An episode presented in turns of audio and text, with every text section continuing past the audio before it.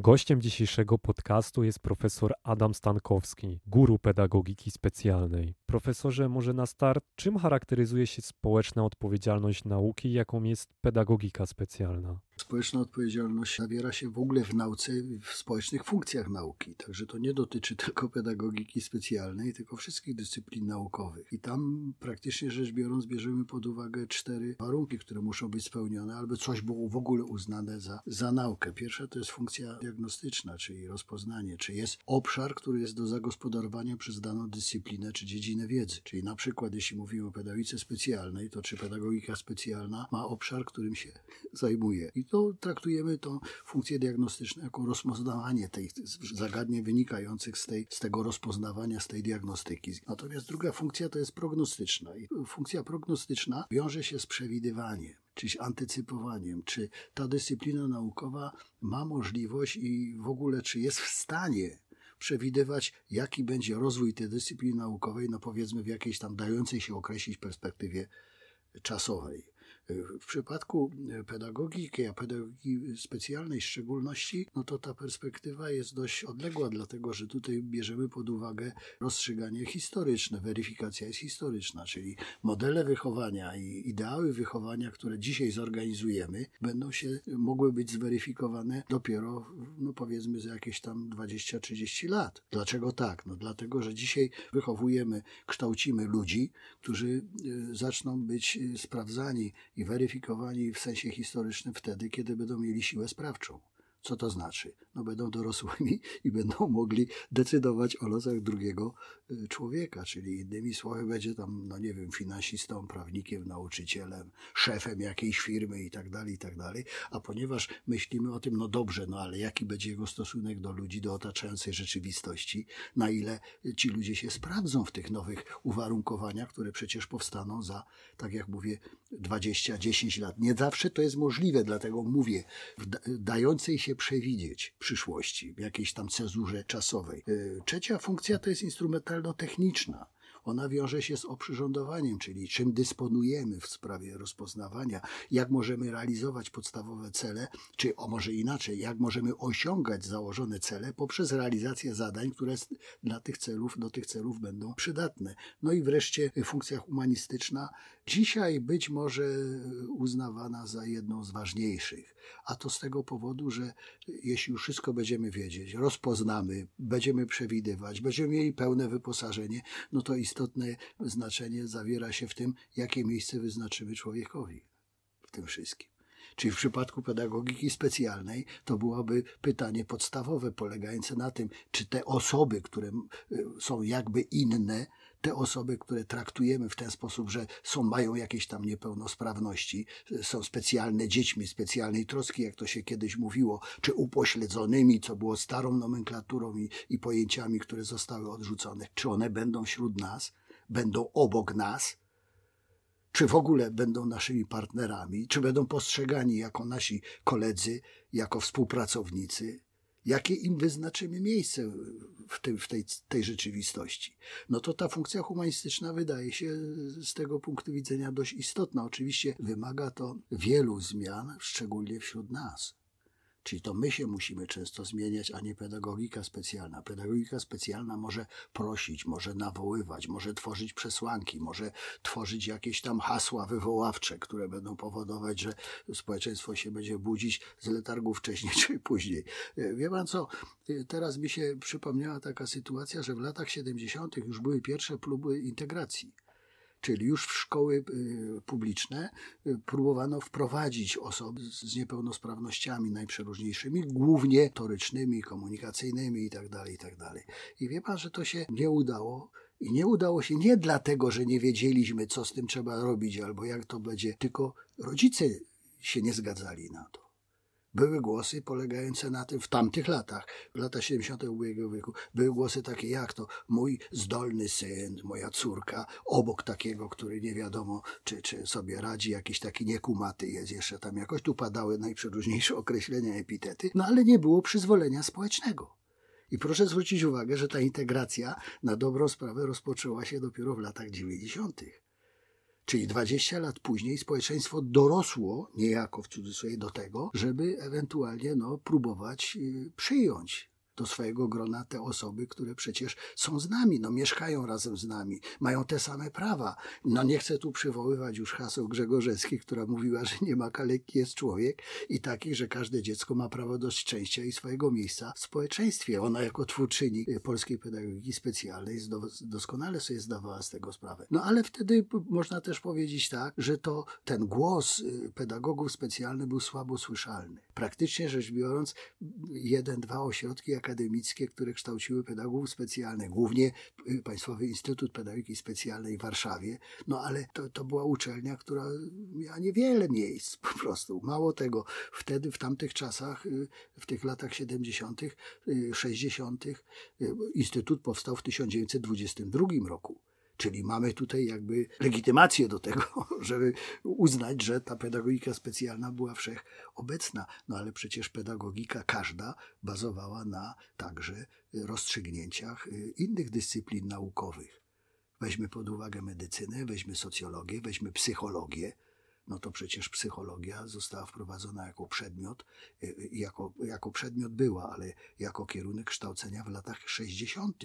na Uniwersytecie Jagiellońskim to stosunkowo późno. Czyli tworzenie podstaw dla pedagogiki, brania mechanizmów psychologicznych, a przecież nie jest dla nikogo tajemnicą, że mechanizmy psychologiczne, a skutki y, społeczne w wielu relacji, wielu zachowań, wielu interakcji pomiędzy ludźmi właśnie się stąd y, biorą. No i wracając do tych społecznych funkcji nauki i pedagogiki, to tutaj proponowałbym, żeby kierować się takim może nieprecyzyjnym definiowaniem pojęcia pedagogika, ale w tym rozumieniu chciałbym to przedstawić jako zbiór twierdzeń teoretycznych skupiających wiedzę o procesach wychowania i nauczania dzieci i młodzieży i dorosłych i w to wchodzą najprzeróżniejsze dyscypliny y, pedagogiczne, specjalności, specjalizacje, na przykład pedagogika przedszkolna, wczesnoszkolna, szkolna, andragogika, no i wreszcie ta specjalna, która przecież też jest wyrosła na gruncie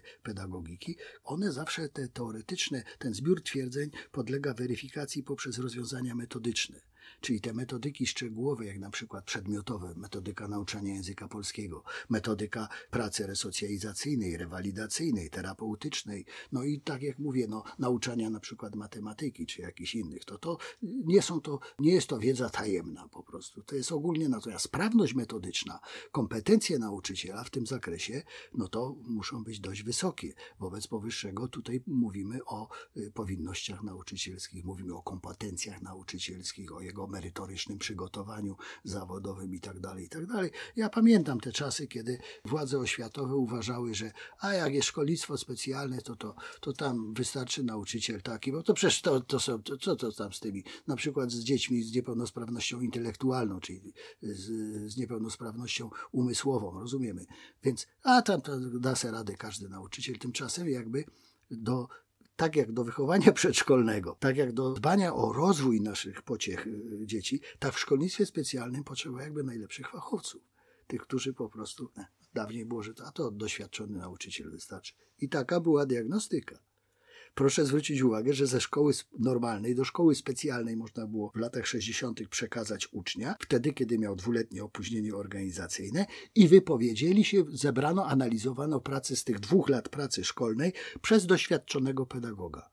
Czyli to był nauczyciel na przykład geografii, a nie pedagog specjalny, nie psycholog, nie inni fachowcy, którzy mogliby się na ten temat wypowiadać. Ale ta funkcja nauki to chciałbym jednak tutaj troszeczkę jeszcze rozszerzyć tę formułę z tego powodu, że jeśli chodzi o pedagogikę specjalną, to chcę wszystkich przekonać do tego, że ta pedagogika specjalna posiada swój obszar badawczy, on najczęściej wyznaczany jest przez zakres procesu wychowania i nauczania dzieci specjalnej troski, gdyby tak to powiedzieć.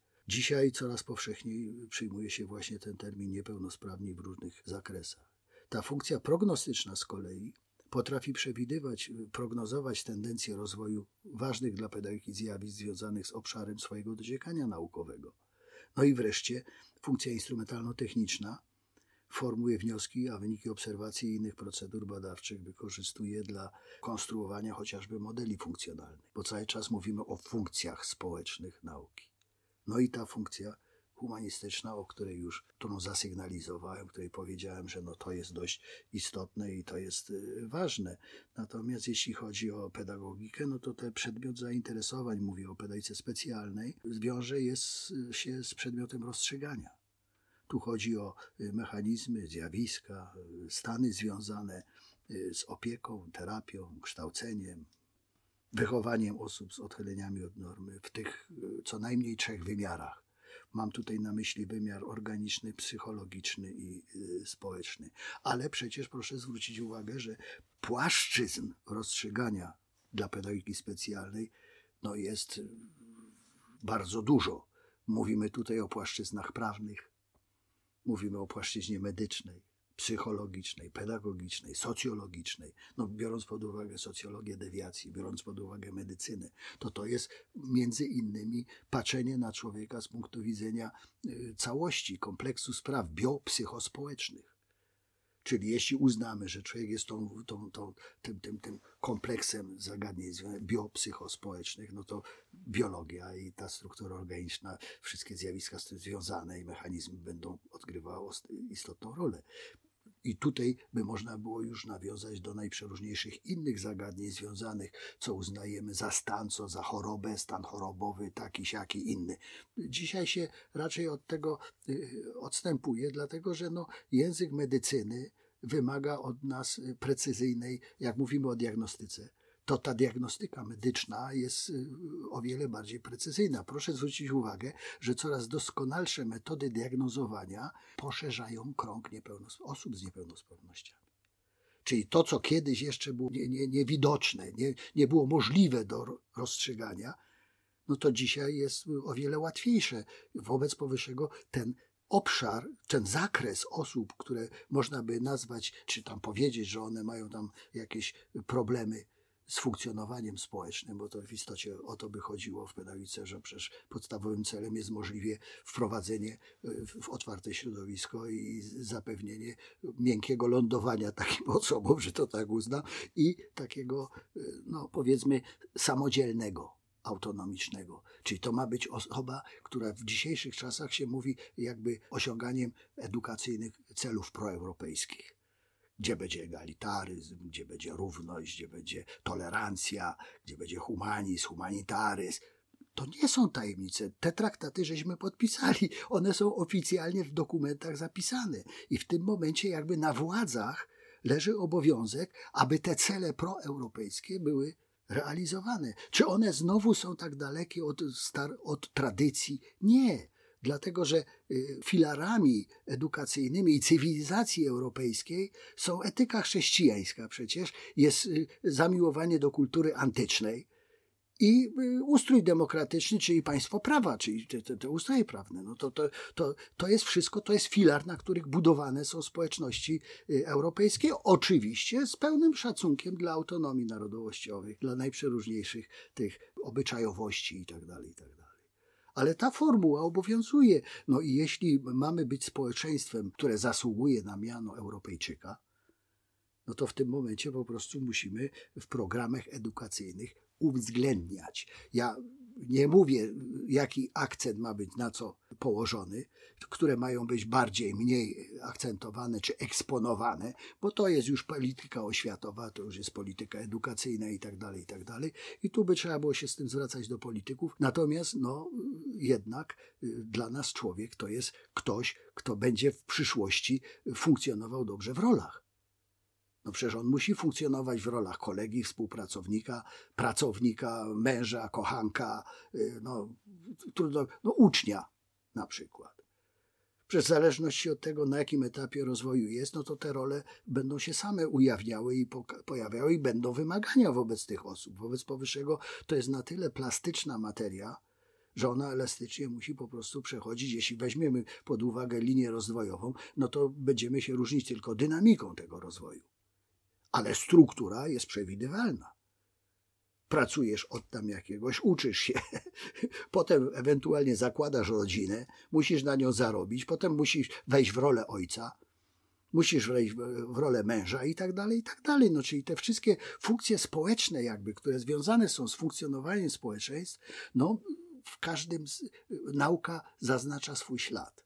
Tak samo jak w pedagogice specjalnej zaznaczają swój ślad wszystkie inne dyscypliny naukowe, subdyscypliny, których po prostu na różnych okresach rozwoju nauki brało się więcej albo mniej. Czyli na przykład pedagogiki, gdyby wziąć pod uwagę działy pedagogiki specjalnej, to przecież ich rozwój też nie był równomierny i harmonijny. Największa popu największą populację tworzą, bo to jest pomiędzy 3 a 5% populacji ogólnej, to są osoby z niepełnosprawnością intelektualną. Czyli to już jest y, jakby stały wskaźnik procentowy, który cywilizacyjnie i kulturowo jakby się ustabilizował z jednej strony jest mniej środowiskowych, etiologicznych zaburzeń z tego, z tego zakresu, jeśli chodzi o niepełnosprawność intelektualną, no ale dalej pozostały przecież wszystkie te, które związane są z uszkodzeniami płodu, związane są z najprzeróżniejszymi biochemicznymi czy, czy organicznymi wadami, które są czynnikami etiologicznymi, które powodują takie, a nie inne następstwa dla rozwoju. Stara formuła struktury rozwoju człowieka zakładała, jakby to była taka mało akceptowalna czteroczynnikowa teoria, polegająca na tym, że największy wpływ na rozwój człowieka będzie miało środowisko, będą miały osoby znaczące, i to są wpływy zewnątrzpochodne, czyli te egzogenne, no i dwie grupy wpływów, te, które związane są z aktywnością własną i te, które są związane z właściwościami psychofizycznymi. Czyli przykładowo, jeśli dzisiaj rodzi się dziecko, które w skali Apgar osiągnie tam bardzo niski y, poziom, no to w tym momencie już nie będzie dla nas tajemnicą, że to dziecko od najmniejszych, od, od momentu urodzenia powinno być objęte szczególną troską i szczególną opieką. Czyli zainteresowaniem. Rodzic nie musi się na tym znać. Rodzic ma do przemyślenia, ma szereg innych zadań do spełnienia. Przede wszystkim musi się oswoić z informacją polegającą na tym, że to wymarzone przez ciebie dziecko będzie miało kłopoty. Czyli jest tu także pomoc psychologiczna, prawda? Nie możemy zostawić go samego sobie. Wie pan, moralniacy mówią, że największy wybryk chuligański, jaki można wobec człowieka zrobić, to jest pozostawić go sam na sam z własnymi myślami. Jak on nie jest w stanie po prostu się podzielić swoimi wątpliwościami, to on się sam zajeżdża. To nie trzeba go karać, nie trzeba go tam. No, ten, no jakby pan wziął matkę, która y, po prostu y, wie, że pozostawiła po, w domu dzieciaki, że mąż, a tego, a ona nagle ma odbywać karę pozbawienia wolności. Przecież kobieta ma inną konstrukcję psychofizyczną niż my, mężczyzna. To jest inna osobowość to ona, ja nie wiem, czy ją trzeba aż tak karać, bo dla niej najwięcej, najbardziej bolesne karanie jest to, że ona siedzi tam i myśli tak, chłopce już znalazł inną kobietę, czy nie, dzieci mają co jeść, czy nie mają, czy są ubrane, czy chodzą do szkoły, jak im się dzieje, wiedzie i tak dalej, i tak dalej. No to ona się sama po prostu każe i sama się, i te ślady psychiczne pozostają. To nie jest tak, że to jest bez, bez znaczenia, że to jest bez. I każda z innych kategorii niepełnosprawności będzie miała swoje następstwa. Czyli my mówimy y, tradycyjnie, a lepiej nie słyszeć niż nie widzieć na przykład. Nie?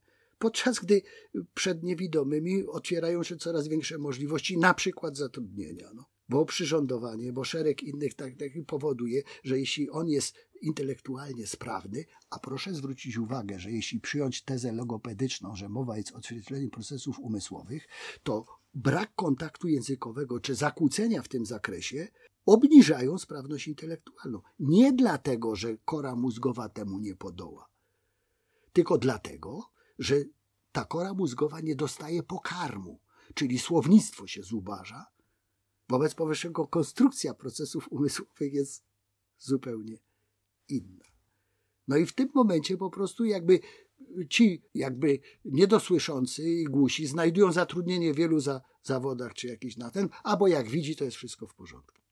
A tymczasem niewidomych się izoluje, podczas gdy niewidomi w krajach na przykład skandynawskich są kreślarzami. No.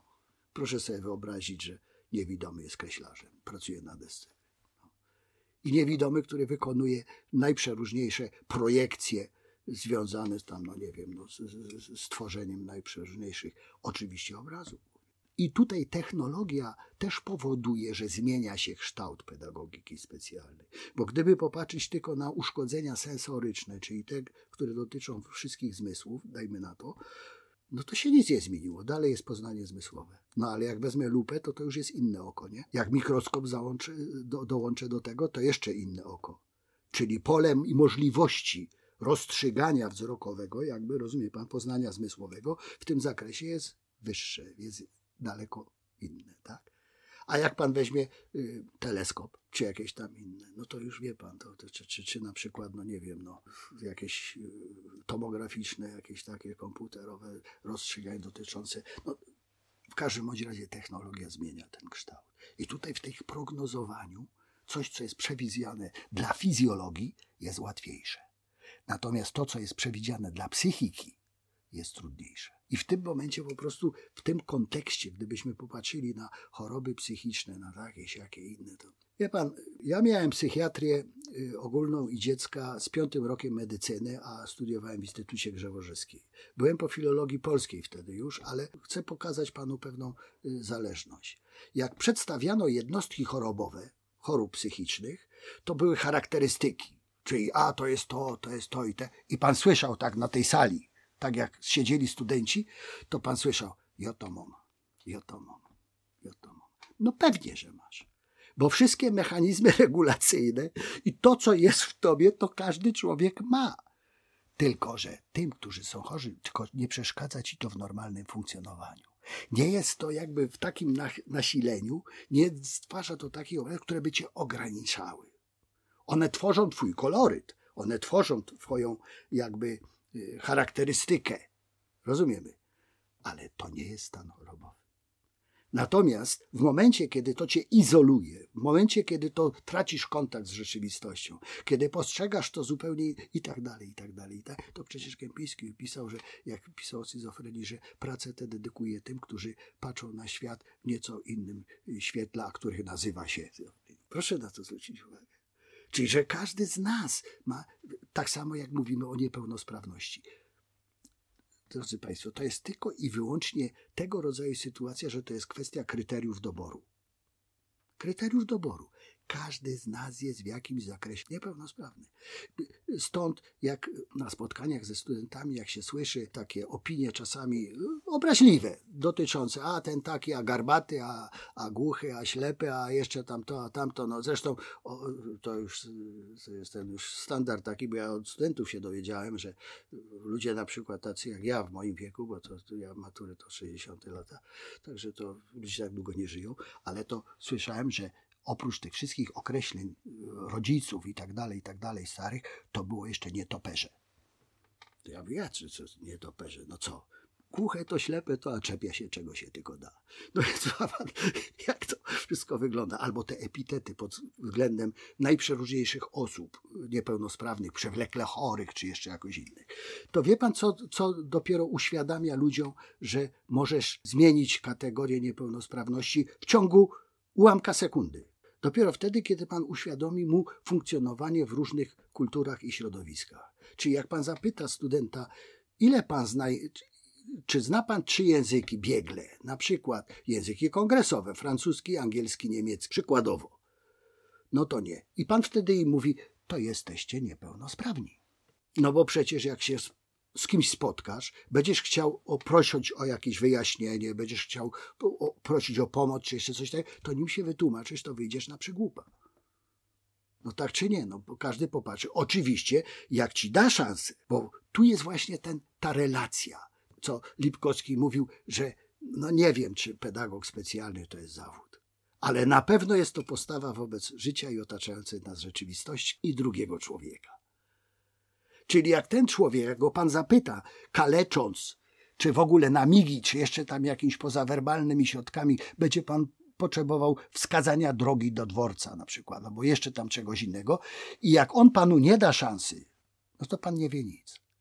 A jak się zatrzyma, jak się postara, chwilkę panu poświęci czasu i po, będzie próbował chociaż panu jakoś tam pomóc, no to to jest właśnie ta opcja. I ja mówię, no to jesteście po prostu niepełnosprawni. A teraz, czy wśród was jest ktoś tak odważny, żeby tutaj powiedzieć z pełną odpowiedzialnością i przekonaniem, że nic ci się w życiu nie wydarzy takiego, co by powodowało, że jedną nogą już przekroczysz tę granicę i będziesz tam po tej stronie niepełnosprawności. No to proszę wziąć pod uwagę codzienne wypadki samochodowe. Proszę wziąć pod uwagę najprzeróżniejsze zdarzenia losowe, takie, siakie, inne i tak dalej. I już zasilamy, w cudzysłowie, przechodzimy na tę stronę, w której ktoś o nas będzie mówił, że jesteśmy tacy, to albo owacy, albo jeszcze jacyś inni. Więc tutaj jest ten jakby wymiar taki semantyczny, znaczeniowy dotyczący. No, nie podobało się y, teoretykom, że ktoś mówi, że jest, że jest upośledzenie, że jest tam jeszcze coś, jeszcze coś, a to są społeczne wymiary niepełnosprawności, bo to jest organiczny wymiar, bo to będzie właśnie ten no, sensorycznych uszkodzeń, motoryki, komunikacji itd., itd. Czyli tutaj jest to tak szeroki obszar, że on przez WHO jest dookreślony. WHO dziewięć takich kategorii wyznacza. Tam są zaburzenia emocjonalne, tam są intelektualne, tam jest to, co jest oparte o tradycję pedagogiki specjalnej. Jak przypomnę, że to jest dawniej była oligofrenopedagogika, tyflopedagogika, surdopedagogika, pedagogika lecznicza i resocjalizacyjna. No i teraz byliśmy w kręgu osób z niepełnosprawnością intelektualną, z niepełnosprawnością wzroku, słuchu, czyli tej sensorycznej, przewlekle chory, czyli te osoby z najprzeróżniejszymi motorycznymi, ruchowymi i tak dalej. No i wreszcie e, emocjonalnymi i tymi wolne procesów regulacji psychicznej. Najprościej by to można było powiedzieć. Drodzy słuchacze, niestety musimy już kończyć, ale nie jest to ostatnie spotkanie z profesorem. Jeżeli jesteście ciekawi, jakimi cechami powinien charakteryzować się nauczyciel specjalny, zapraszam Was na kolejną część tego podcastu, który ukaże się już za tydzień.